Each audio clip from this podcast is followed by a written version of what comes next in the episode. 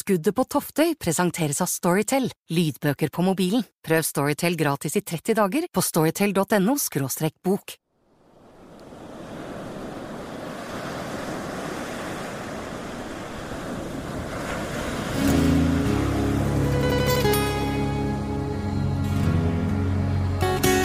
Den 2. juli 2013.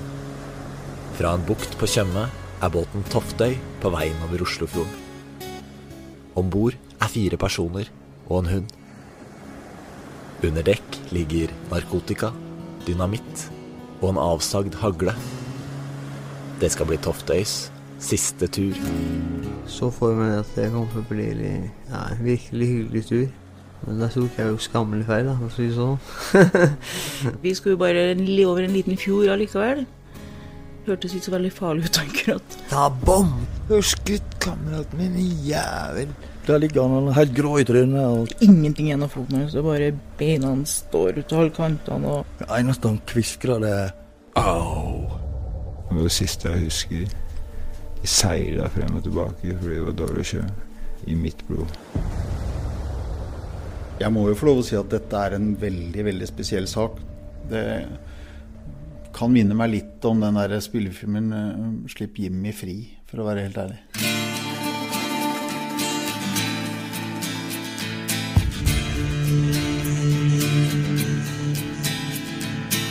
A-magasinet presenterer Skuddet på Toftøy. En podkastserie om et skipsforlis, et hagleskudd og en etterforskning uten svar.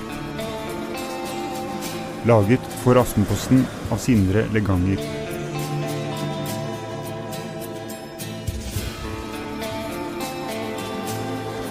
Fjerde episode Passasjeren.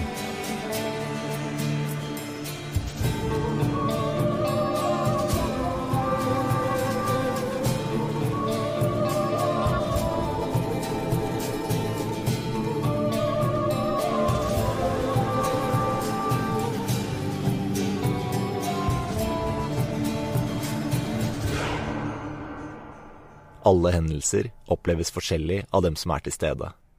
Hvis det kan ha skjedd noe kriminelt, blir politiets oppgave å finne ut hva som er sannheten. Hvis det ikke finnes bevis, er de avhengig av det vitnene forteller. Og vitnene kan både huske feil eller lyve. Denne serien handler om det som skjedde om bord på lastebåten Toftøy den 2. juli 2013. Noen timer inn i seilasen fra Tønsberg til Oslo ble en mann ved navn Sindre skutt i beinet med en avsagd hagle. I forrige episode fortalte Sindre at det var en av de tre passasjerene om bord, Jon Gunnar, som avfyrte skuddet. Men stemmer det? I denne episoden skal vi høre Jon Gunnars versjon. Nei, mitt forhold til havet er dårlig. For jeg eh, tjenestegjorde om bord på KNM eh, Oslo. Flaggskipet, fregatten, marinen, Håkonsvern i Bergen. Jon Gunnar Oppheim er i dag 43 år. Han er muskuløs, har kort grått hår, og selv om jeg møter han nede i kjellerstua hans i Loen i Stryn, bruker han solbriller. Ok, Det første du kan gjøre, det er å telle til fem. Så jeg bare stiller lyden her. Una, dos, tres, cuatro, cinco. Det er bra. Vinteren 1994 tjenestegjorde Jon Gunnar i marinen, og var én av 113 personer om bord på fregatten KNM Oslo. Så vi var jo oppe over hele kysten både Nord-Norge. Bodø, Tromsø, Kirkenes. Vi var i Nordishavet på Nato-øvelse med russerne. Det var masse greier. Stavanger, Oslo. Den 24. januar 1994 grunnstøtte KNM Oslo ved Marstein fyr utafor Bergen. Og båten sto fast på skjær der, og ledelsen på Håkonsvern, de bestemte seg for at nei, vi drar han løse. Så de drog han løse rett ut på havet, og båten sokk. KNM Oslo gikk ned, og én person døde i forliset. 1,5 milliard kosta den feilen. Siden hadde ikke Jon Gunnar vært om bord i båt. Så jeg konkluderte bare med at havet er ikke noe for meg, og på havet skal ikke jeg igjen. Og på havet var jeg heller ikke mer. Før dette her, og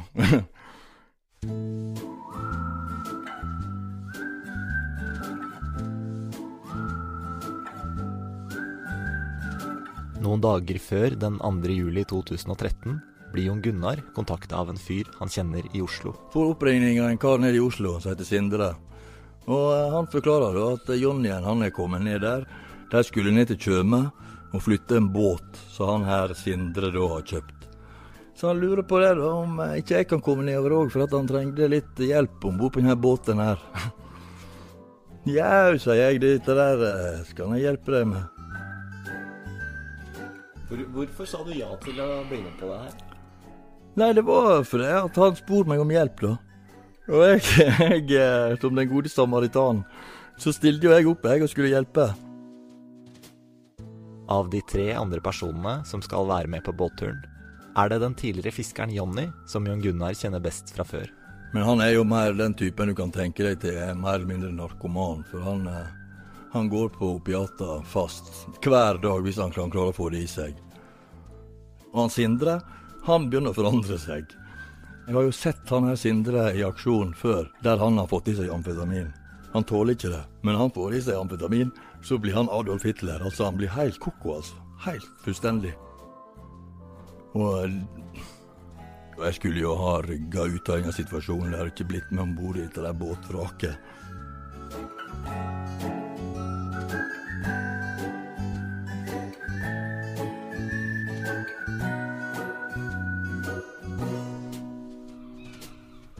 På Mågerø marina på Tjøme ligger Toftøy fortøyd til den ytterste brygga. Båten er malt i hvitt og svart, med et styrhus bakpå og en mast på dekk. Båten så ut som et dass. Det så ut som et vrak. Altså, jeg hadde problemer med å skjønne det at dette greiene er flaut. Så det var det første som slo meg, at, at dette greiene der, er dette der mulig å seile, seile med i det hele tatt opp til Oslofjorden? Men eh, jeg gikk jo om bord og ble med på galskapen. Ifølge Jon Gunnar forteller de selgeren av båten at det er den tidligere fiskeren Jonny som skal styre. Men da går han Jonny der og surrer, veit du. Jeg er så påvirka som påvirka kan bli, veit du. Det ser jo han karen her at dette her er jo Men så tar han Sindre roret, og da sier han her karen til Sindre da Å ja, du har papirer på eh, å føre båt du også? Ja, ja, sa Sindre. Helt bleik i trynet. Han står der, blek, men fattete. Her står han på roret. Kapteinen. Herregud.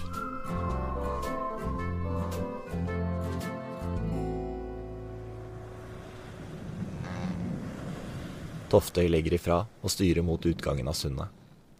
Ifølge Jon Gunnar står båtkjøperen Sindre ved roret. Og så dukker det første sjømerket opp. Der er grunt, der er skjær. En stake som advarer om grunt vann. Tror du det idiotene tar og så forstår så mye at han svinger til venstre eller høyre, da, i det minste, for uh, dette skjæret? Nei, han sikta seg rett inn på merket, og så styrte han båten rett på merket.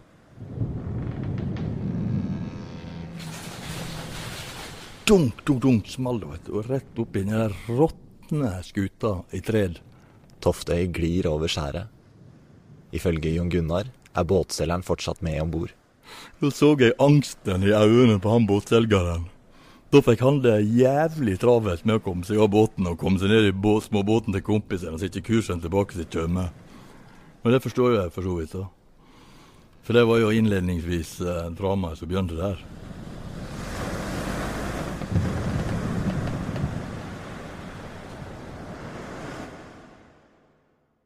Var det Sindre som sto ved roret hele veien? Ja. Jonny slapp ikke til et sekund. Hva, hva, hva, sa dere til Sindre, og hva prøvde dere å gjøre, liksom? Nei, jeg sa svært lite. For det at uh, I bunn og grunn så veit ikke jeg om, uh, om Jonnyen hadde gjort noe stort bedre jobb på roret når han var i den tilstanden han var. Jeg var vel nesten likegyldig til hvem som sto på roret i det hele tatt. Jeg kunne like stått på roret sjøl, eller hun madammen kunne stått på roret òg. Da de har kommet seg ut av sundet, bestemmer Sindre at Jon Gunnar og Jonny ikke får lov til å være i styrhuset lenger. der er det han som skal være, og hun eh, madammen hun skal være der òg. Men ikke jeg og Jonny igjen. Så vi blir da bedt om å forlate bro. Jeg bare holdt kjeft, jeg bare gikk. Jeg bare gikk ned og satte meg nede. Og det gjorde Jonny igjen òg. Ifølge Jon Gunnar er Jonny misfornøyd med at det ikke er han som får styre Toftøy. Han tok altså og begynte å sette i gang et helvetes styr for Sindren. og skulle sabotere hele båtreisa opp til Oslofjorden. Så han rigga opp dynamitt og skulle blåse i lufta bak på båten. Ifølge Jon Gunnar hvisker Jonny at han har lagt dynamitten bak i båten. Og nå skal han sprenge av roret, hele driten bak på båten der, så Sindren pløyer rett på land med båten.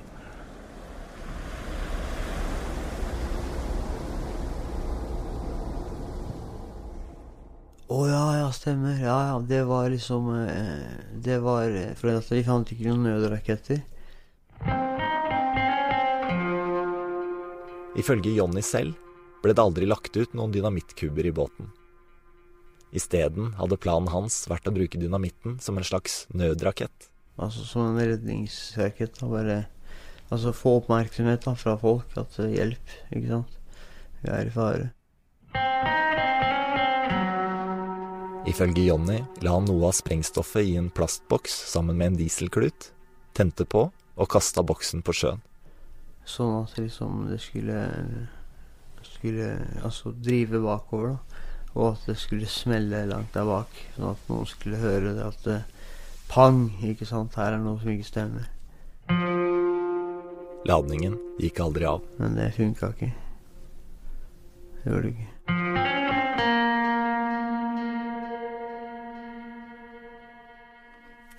Jeg sa du må gi faen i dette greiene der, sa du. Gå og fjern den dynamitten og hele dritten med en gang. Det blir ikke aktuelt, sa jeg. Det er helt det er hinsides galskap, sa jeg. Ifølge Jon Gunnar blir Jonny skuffa, men gjør som han får beskjed om. Men han gjorde jo det jeg sa da, så han gikk jo og fjerna den dynamitten igjen. Men herregud, dette der var nummer før. Hadde han bare oppi det der dumme hodet sitt bestemt seg for at han ikke sier noe til meg i det hele tatt, så hadde han gjort dette der. Og den salva bak på båten der, jeg spør ikke meg hvor sterk er den salva, men han har heil dynamittbag, da. Så jeg hadde ikke forundra meg om han hadde blåst i lufta hele båten.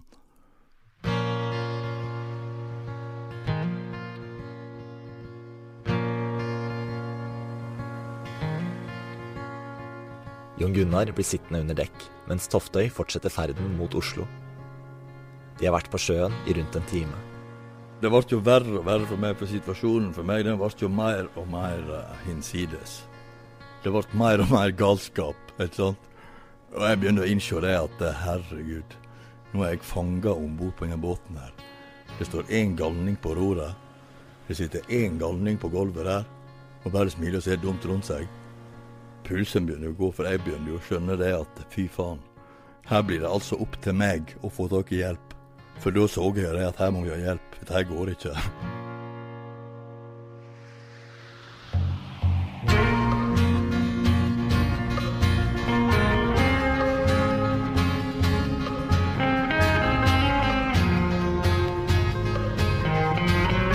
Hør mer etter pausen.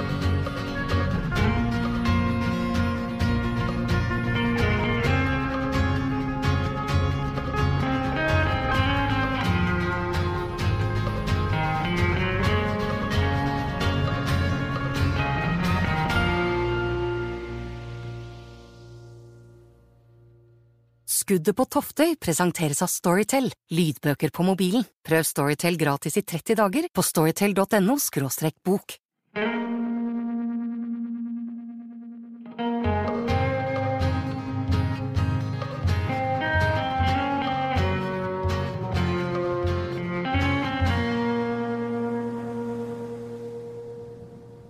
Lastebåten Toftøy er på vei fra Tjøme mot Oslo. Jon Gunnar, som vi hører historien til i denne episoden, sitter i byssa under dekk sammen med den tidligere fiskeren Jonny.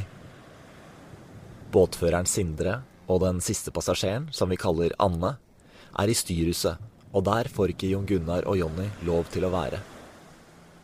Noen timer inn i seilasen begynner det å blåse opp, og bølgene vokser. Da kommer det enda et sjømerke, nytt skjær. Og fyren har faen ikke fått med seg hva som skjedde første gangen. Så han sikta seg inn på merke nummer to òg, han.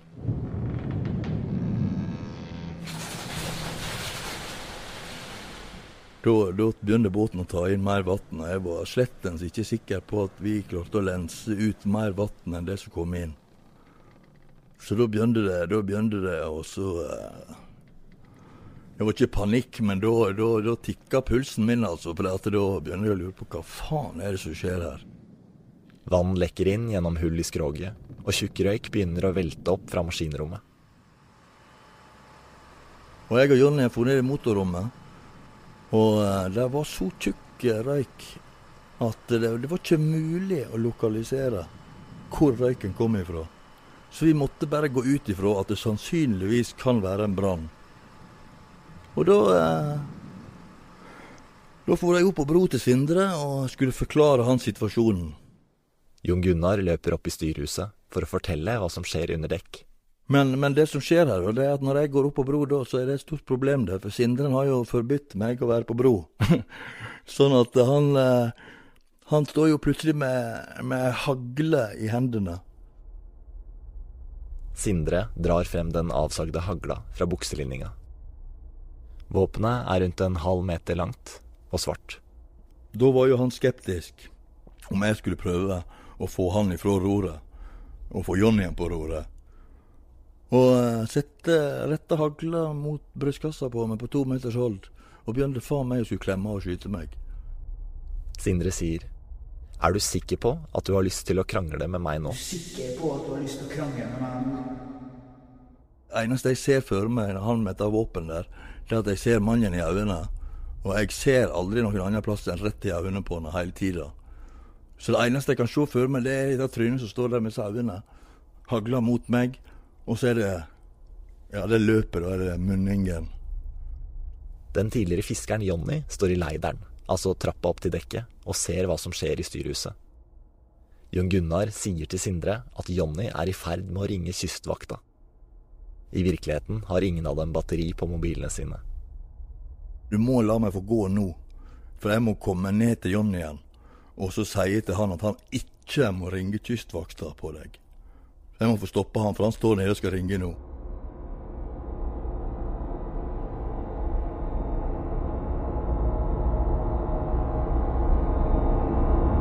Da senka han våpenet. Da kunne jeg få gå ned og så gjøre det, for det var en god grunn.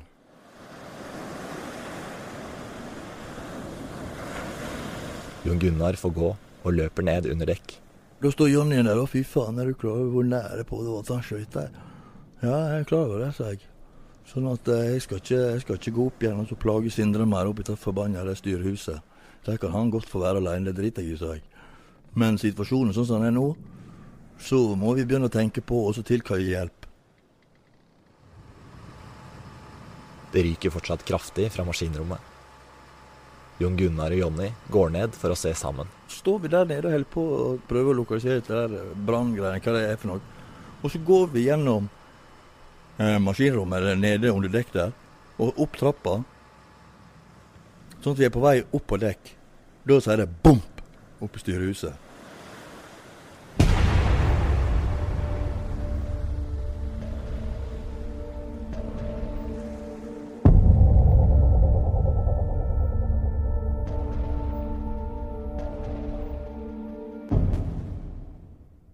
Akkurat her samsvarer ikke forklaringen til Jon Gunnar med det Sindre og Jonny har forklart. Ifølge Sindre kommer Jon Gunnar plutselig inn i styrhuset og avfyrer skuddet. Da står det noe med i hendene retta mot meg som han trykker bare av. Ifølge Jonny løper Jon Gunnar opp fra maskinrommet, mens Jonny blir igjen nede. Så kommer Jon Gunnar ned igjen under dekk og roper at Sindre har skutt seg. Jon Gunnar ropte ned. Sindre har skutt seg.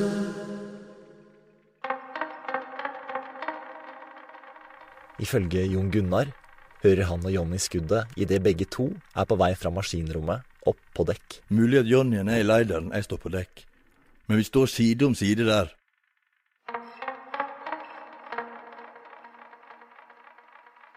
Så hva, hva hører dere?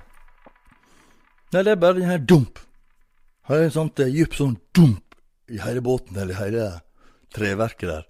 Så skjønte begge to da at dette var et skudd. Men det var ikke noe sånn bang, sånn at det rysta ut som et våpen. sånn, For dette her skuddet det går jo av inni styrehuset med lukka dører og alt. Så det er en sånn dempa dumpesmell.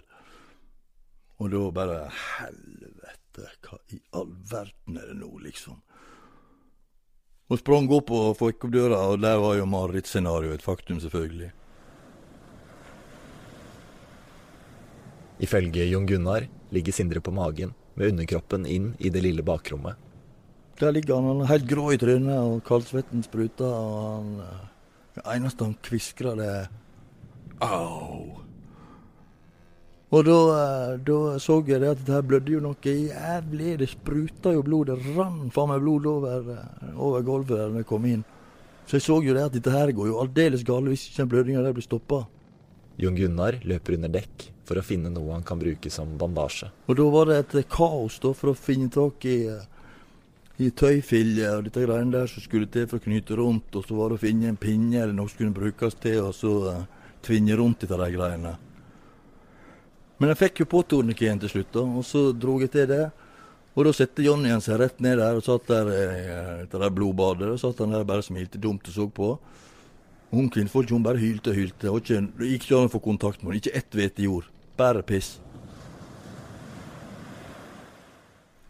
Eh, vi må, hvis, vi bare, hvis vi går tilbake litt, rett etter dere hører det dunket Mm. Så løper du opp, og så ser du Sindre ligge der. Eh, fortell hva du gjør med, med våpenet. Nei, jeg bøyer meg ned og tar uh, haglgeværet og løfter det opp og snur meg bare rundt der i en fin omdreining. Og så kaster jeg det til helvete langt på havet, så jeg kunne komme med det. Hvorfor kaster du våpenet over bord? Jeg tror jeg gjorde det mest i forbannelse fordi at jeg var helt overgjeldet over og sjokka og forbanna og helt, helt Ja, bare helt forkava over dette skjedde. Sånn at den hagla den ble for meg en fiende med en gang. Altså det Jeg så vel på det som den store synderen, da, kanskje, akkurat i den situasjonen der. For da var jo jeg av en klar oppfatning at dette her var et vådeskudd, og at han hadde trykt det sjøl. Jeg tenkte ikke da så langt at kanskje hun er madammen, at kanskje hun har tatt i våpen, eller dratt i våpen, eller tatt rundt han, eller på en eller annen måte vært borti noe, sånn at hun kanskje indirekte har forårsaka at han trykker av. Sånne ting tenkte ikke på. Men hun var helt hysterisk. Helt hysterisk. Bare skreik og skreik og skreik. Ikke å snakke til henne mer. Så jeg fikk aldri spørre hun hva som skjedde. Så fikk høre hun hva hun kunne fortelle. Det fikk jeg aldri høre.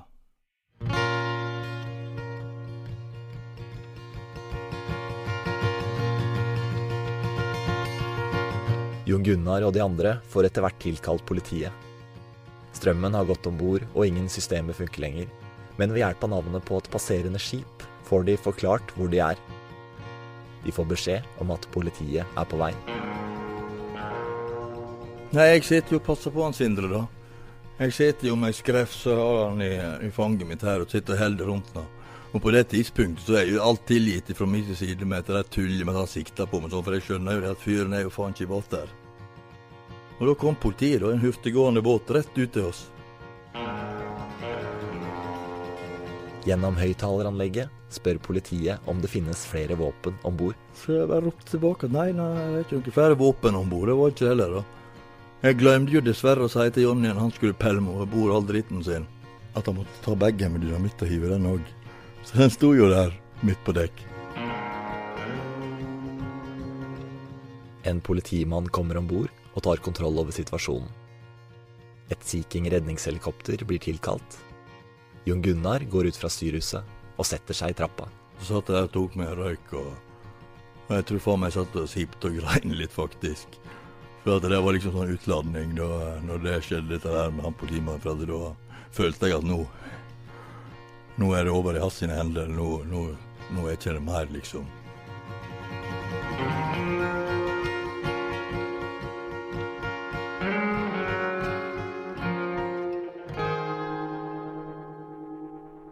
Redningshelikopteret kommer, og Sindre blir evakuert og flydd til Ullevål. Etter hvert kommer det flere politifolk om bord. Jonny blir ført over i en egen båt og kjørt inn til Tønsberg. Jon Gunnar og den kvinnelige passasjeren Anne blir værende om bord på Toftøy, mens båten slepes inn til land. Ja, når vi kom på kaia der i Tønsberg, så vrimla det politifolk. Men jeg gikk ned på den kaia, da husker jeg at jeg tenkte at ja, ja, i dag er iallfall jeg dagens helt. Hvor, hvorfor, hvorfor tenkte du at uh, i dag er jeg dagens helt? For det første så var jeg helt klinkende edru. Det var jeg som fikk dere hjelp. Det var jeg som snakka med nødtelefonen. Det var jeg som snakka med politiet. Det var jeg som redda Sindren sitt liv med torniké og hele dritten. Det var jeg som har fått posisjoner på båten. Det var jeg som har fått avmanøvrert Johnny fra å sprenge båten i lufta med dynamitt. Jeg kunne ikke se det på annen måte enn at jeg har jo gjort alt rett. Jeg har gjort alt som står i min makt for at dette skal bli bra. For det skal bli så bra som mulig. Og det var en politimann som satt der og så på meg. Og han smilte, og så nikka han og helste. Jeg smilte og nikka igjen, liksom sånn, og så plutselig så var det rett bak i svarte Marja der i buret der, og være arrestert og bli frakta av gårde, veit du, og så slengt rett inn på ei glattcelle. Jon Gunnar, Jonny og Anne blir satt i arresten på Tønsberg politistasjon, sikta for legemsbeskadigelse med skytevåpen. Det tas en blodprøve av Jon Gunnar, som viser spor av amfetamin. Hvis det ikke hadde vært for at det sto i papirene dine at du et par ganger i måneden så har du brukt amfetamin noen år, så har det vært dagens helt. Dette er potensielt første sida i VG, det. Med helt, og du kan se det for deg hvis det har vært en ungdom eller noen som ikke var relatert til noe rusmiljø eller til noe som helst. Helt annerledes med en gang. Ja, det er jo vanlig at når folk som er ruspåvirket forklarer seg, så er det jo slik at vi må vurdere um, hva de faktisk husker og ikke husker. Ole Bjørn Sakrisvold er påtaleleder i Sør-Øst politidistrikt. Han mener at etterforskninga ble vanskeligere siden de fire involverte var rusa. Det blir ofte mer upresise forklaringer. Eh, dårligere minnebilder. Eh, og i tillegg så kan det ha en risiko for at det kan prege etterforskningen litt. Hva er det faktisk disse menneskene er ute for? Hvem har gjort hva? Eh, og når du vet at de er påvirket av narkotika, så må man ta høyde for at en del av det de sier, eh, kanskje ikke stemmer. Eh, det kan være ruspåvirket, eller de kan ha oppfatningsproblemer eh, i forbindelse med forklaringene sine. Hvordan tror du den etterforskningen her ble prega av at de var ja, narkomane? Nei, Jeg tror ikke den ble preget av at de var narkomane som sådan. Etterforskningen ble foretatt eh, ganske grundig eh, med vitneavhør, pågripelser, tekniske undersøkelser. Vi rykket ut og hjalp dem og gjorde alt vi skulle. Eh, men det er klart at når vi da snakker med folk som er rusa, så vil det påvirke de svar og de eh, vurderingene vi skal ta av de svarene vi faktisk får. Akkurat som hvis du står i en voldsepisode på byen og sier du har drukket ti halvlitere og ser en hendelse 50 meter unna og er helt sikker på at det er vedkommende, eh, så stiller jo politiet seg tvilende til det òg. Nettopp fordi situasjonen er slik den er. Eh, og i dette tilfellet så var de jo påvirket. Eh, og ute på grov sjø. Det påvirker jo forklaringen deres. Vi må vurdere sannhetsgalten i de i forhold til andre. Noen kan forklare seg sant, noen usant. Men vi skal føre bevis for hva som er sant og ikke sant. Og det er ikke lett i den, type, i den settingen. I løpet av de to dagene Jon Gunnar tilbringer på glattcelle, blir han avhørt to ganger. I det første avhøret sier han ingenting om episoden der Sindre trua han med hagle. Den opplysninga, den sløyfer jeg. Og dette der kan jeg forstå, dette kan bli en indisie mot meg. At her er det faktisk et motiv for at eh, jeg dukka opp på den broen igjen og skyter Sindren. Han ville skyte meg. Han trua meg med våpenet. Men det var ikke noe sånt. Det var kun for å spare Sindren, for jeg kunne ikke se på noen måte at det ville være han til hjelp om jeg satt og forklarte noe om, om den trueepisoden der som egentlig i denne historien blir et sidesprang. Så jeg eh, sa ikke det, da. Men det gjør de andre i sine forklaringer. I det neste avhøret blir Jon Gunnar konfrontert med at på det punktet passer ikke forklaringen hans med det de andre forteller. Han innrømmer at han ikke fortalte hele sannheten. Jeg vil jo bare prøve å spare han for det greiene der, for det er jo hakkande gale seg. Men det er greit, seg. Det, han gjorde jo det, da, men uh, Og jeg unnskyldte nå da òg. Jeg sa det til han politimannen at, uh, at han hadde jo ikke skutt meg, sikkert, og så det var jo bare for å true og være litt sånn. Men han var faktisk i ferd med å skyte meg. Det var så oppå hekta at han trykte av det skuddet at det hjelper meg. Men eh, sikta for drapsforsøk, det er helt hinsides. Så da har jeg altså om bord på denne båten her Altså Først går jeg opp i styrehuset, der han Sindre står la med hun madammen, altså det er vitne til stedet. Så tar jeg ifra han ei hagle som han har med seg, og skyter den rett ned mens folk står og ser på. Og så, når han da ligger og blør ut og dør, da hopper jeg på han med all den hjelp jeg kan gi han, og uh, får stoppa blødninga. Og så tilkaller jeg nød, per nødtelefon hjelp, og politiet og alt blir kobla inn. Altså, det blir helt idiotisk. Hvor i all verden kan du komme fram til en sånn idiotisk uh, mistanke eller påstand? Jeg skjønner ikke det. Hvis jeg skulle skyte Sindre, så hadde jeg selvfølgelig ikke skutt ham mens det står folk og ser på. Og jeg hadde definitivt ikke redda livet hans Det har gjort alt for å redde livet hans når han ligger og blør i hjel etter jeg har skutt ham. Blir litt uh, Litt søkt, blir ikke det det? Herregud. Men, men jeg må spørre, da. Var det et vasketak mellom deg og Sindre? Aldri. Ikke engang? Aldri. Står det en person og truer deg med et skarpladd avsikra våpen, det siste du må finne på å gjøre, det er å begynne å ta tak i våpenet, eller prøve å ta tak i den personen. Det er livsfarlig. Men, men altså, du står der, og båten tar inn vann, og det er en person som ikke kan styre båten oppe på bru, og du tenker 'fader, hva skal vi gjøre'? Jeg tenker at kan jo, Du kan jo ha gått opp og bare tenkt at jeg må få vekk Sindre fra bru og få tatt våpenet fra han, så jeg får tatt kontroll over båten. Nei, nei, nei, det er vært galskap, det. Jeg har ikke sett min fot opp igjen til han karen der. Tenk deg om, da. Hadde du tort å lete opp den døra inn til det styrehuset, der veit du står en mann med avsaga hagle, to patroner i kammeret, avsikra, klar til å skyte deg. Da hadde jeg vært heilt ko-ko, da. Det er, jo, det er jo å gå rett inn i sin egen begravelse. Jeg holder ikke noe imot Sindre pga. dette her galskapsgreiene hans. Det jeg holder imot han Sindre, det er dette her etterpå, med at han begynner å klandre meg og skulde meg for at det er jeg som har skutt ham. Det syns jeg er for jævlig. Det er det eneste.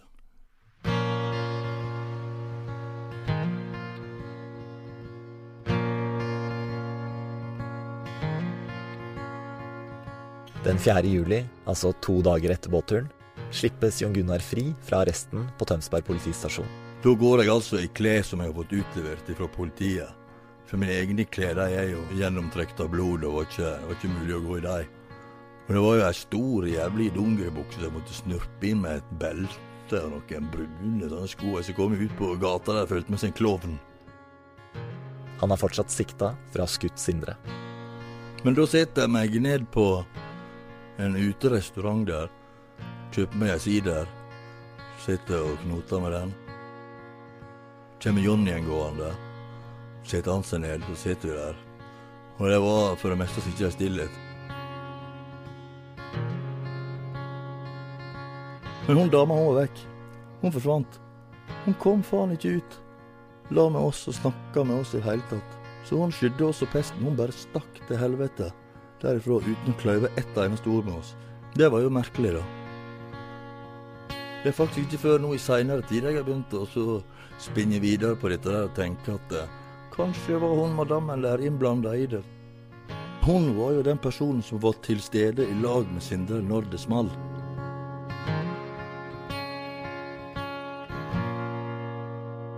I neste episode forteller Anne sin versjon. Og husker jeg snur meg, liksom, jeg begynner å skli etter henne, så ser jeg ned, så er blodet sånn den sinner liksom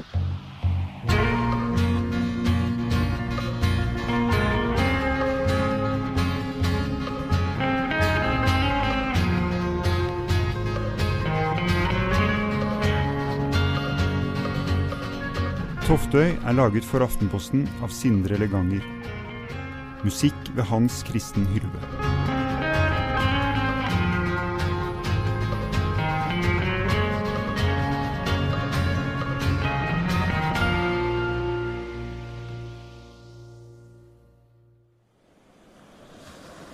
En ny episode av Skuddet på Toftøy kommer neste uke.